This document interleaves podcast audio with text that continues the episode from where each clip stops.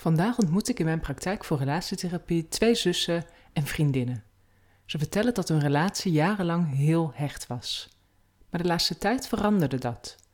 Ze houden nog steeds veel van elkaar en toch twijfelen ze of hun relatie ooit hetzelfde zal worden. Al snel wordt duidelijk dat de zussen verschillen in het thema zwijgen en spreken. Volgens Monique ben ik te direct en daarmee doe ik haar pijn. Ik babbel te veel en dat klopt. En geheimen bewaren, ja, dat doe ik niet aan. Ik heb mijn hart op mijn tong. Dat ergert Monique gewoon enorm. Niet dat ze dat uit zichzelf tegen mij zegt. Nee, dat moet ik echt uit trekken. Vorig weekend ben ik naar haar toegegaan en heb ik haar geconfronteerd. Ik zeg, denk maar niet dat je weggaat voordat ik weet wat er tussen ons speelt. Maar Monique is Monique en... Zo praat Frederike door. Met veel handgebaren in een rap tempo. Monique en ik krijgen amper de kans om te spreken.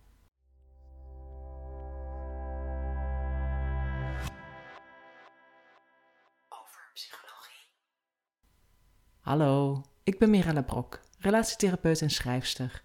En je luistert naar mijn artikel Jouw zwijgen schittert van overpsychologie.nl. Voor Frederik zou het leerzaam kunnen zijn om te oefenen met zwijgen. Als ze de relatie met haar zus wil verbeteren, dan kan die vaardigheid van pas komen. Het is niet de bedoeling om Frederik de mond te snoeren of te veranderen, want er zijn veel goede kanten aan spreken. Maar als het lukt om het spreken te doseren, ontstaat er keuzevrijheid tussen spreken of zwijgen.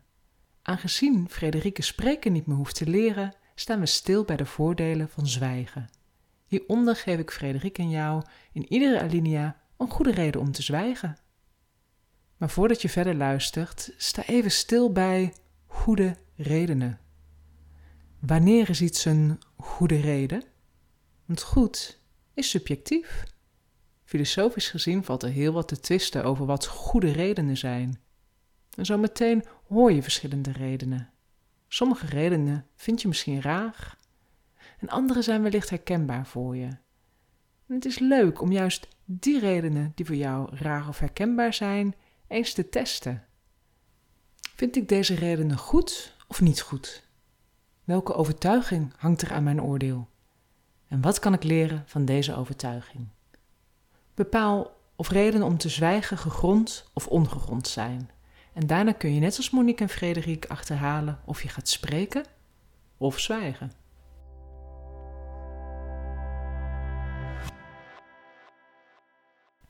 Zwijgen om kwetsuren te voorkomen.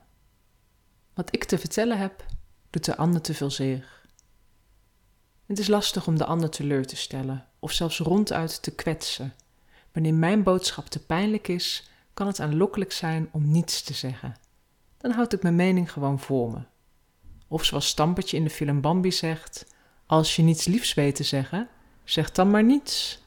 Soms is het fijn om het gewoon even leuk te houden. Op mijn eigen tong bijten doet minder zeer dan op het hart trappen van een dierbare. Over psychologie. Liever maak ik geen ruzie. Als het me lukt om anderen niet te kwetsen, voorkom ik dat ze boos op me worden. Ik ga geen grenzen over met mijn stilzwijgen. Soms kan een woord, een beledigende zin of een oude koe inslikken de lieve vrede bewaren. Over psychologie. Ik wil de ander niet tot last zijn. Het leven is soms zwaar, voor jou, voor mij, voor ons allemaal. Maar waarom zou ik die anderen continu lastigvallen met mijn problemen? Alsof die ander daarop zit te wachten. Existentiële angsten, groot verdriet of onpopulaire meningen houd ik beter voor mezelf. Een bijkomend voordeel: ik hoef dan ook niet naar de ander te luisteren. Over psychologie. Het is mijn geheim. Iedereen heeft recht op een geheime tuin, bepaalde fantasieën, onderdachte jeugdige uitspattingen en andere dingen waar ik mezelf een beetje voor schaam. Die deel ik niet. Ze hoeven niet alles van me te weten.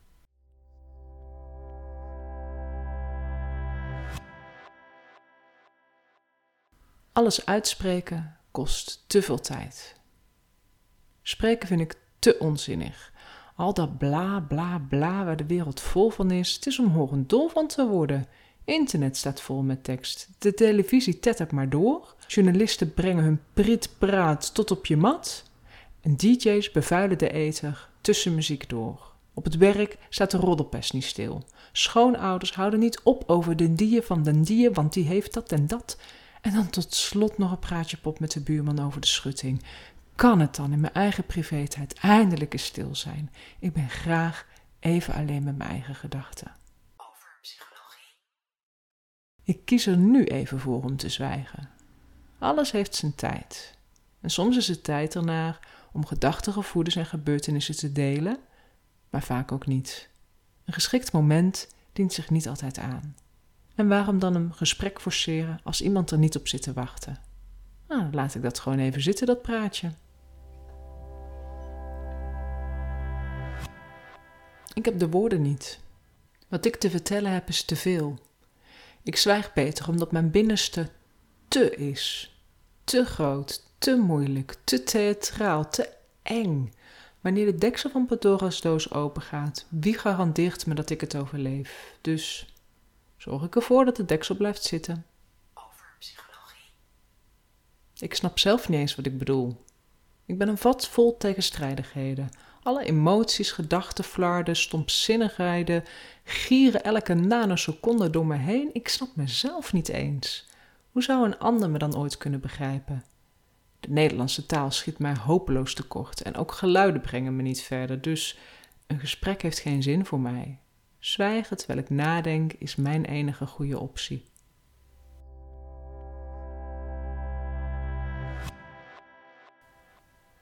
Spreken brengt me van de regen in de drup.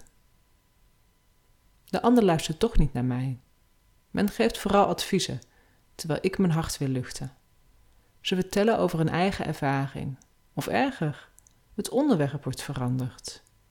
Helaas ken ik maar weinig mensen die de kunst van het echt luisteren goed verstaan. Over psychologie. Een gesprek maakt me kwetsbaar ten opzichte van de ander.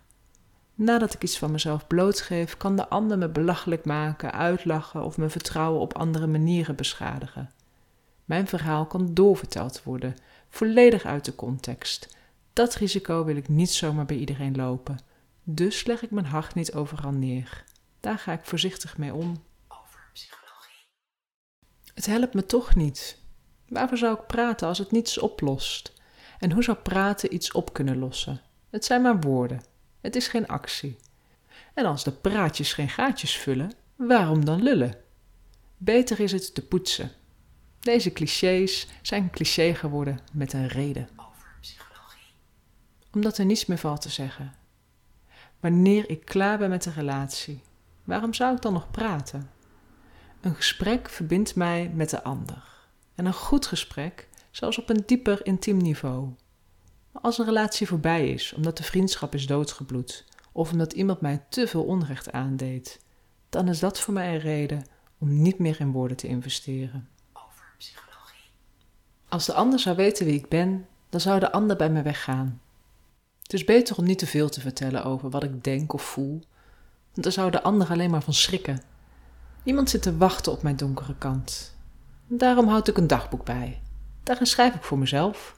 Op die manier kan ik het toch kwijt en verlies ik niemand.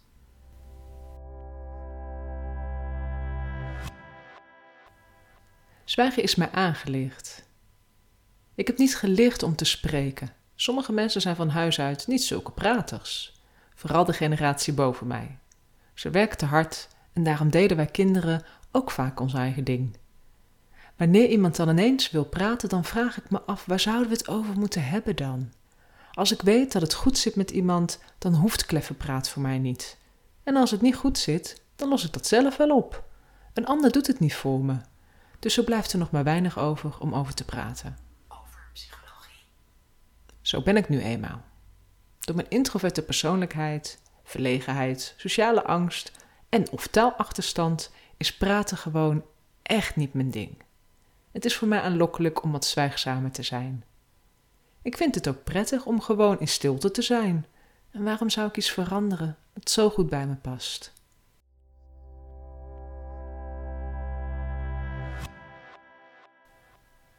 Zwijgen vanuit liefdevolle redenen. Redenen om te zwijgen kunnen gaan over jezelf, de ander of jullie relatie.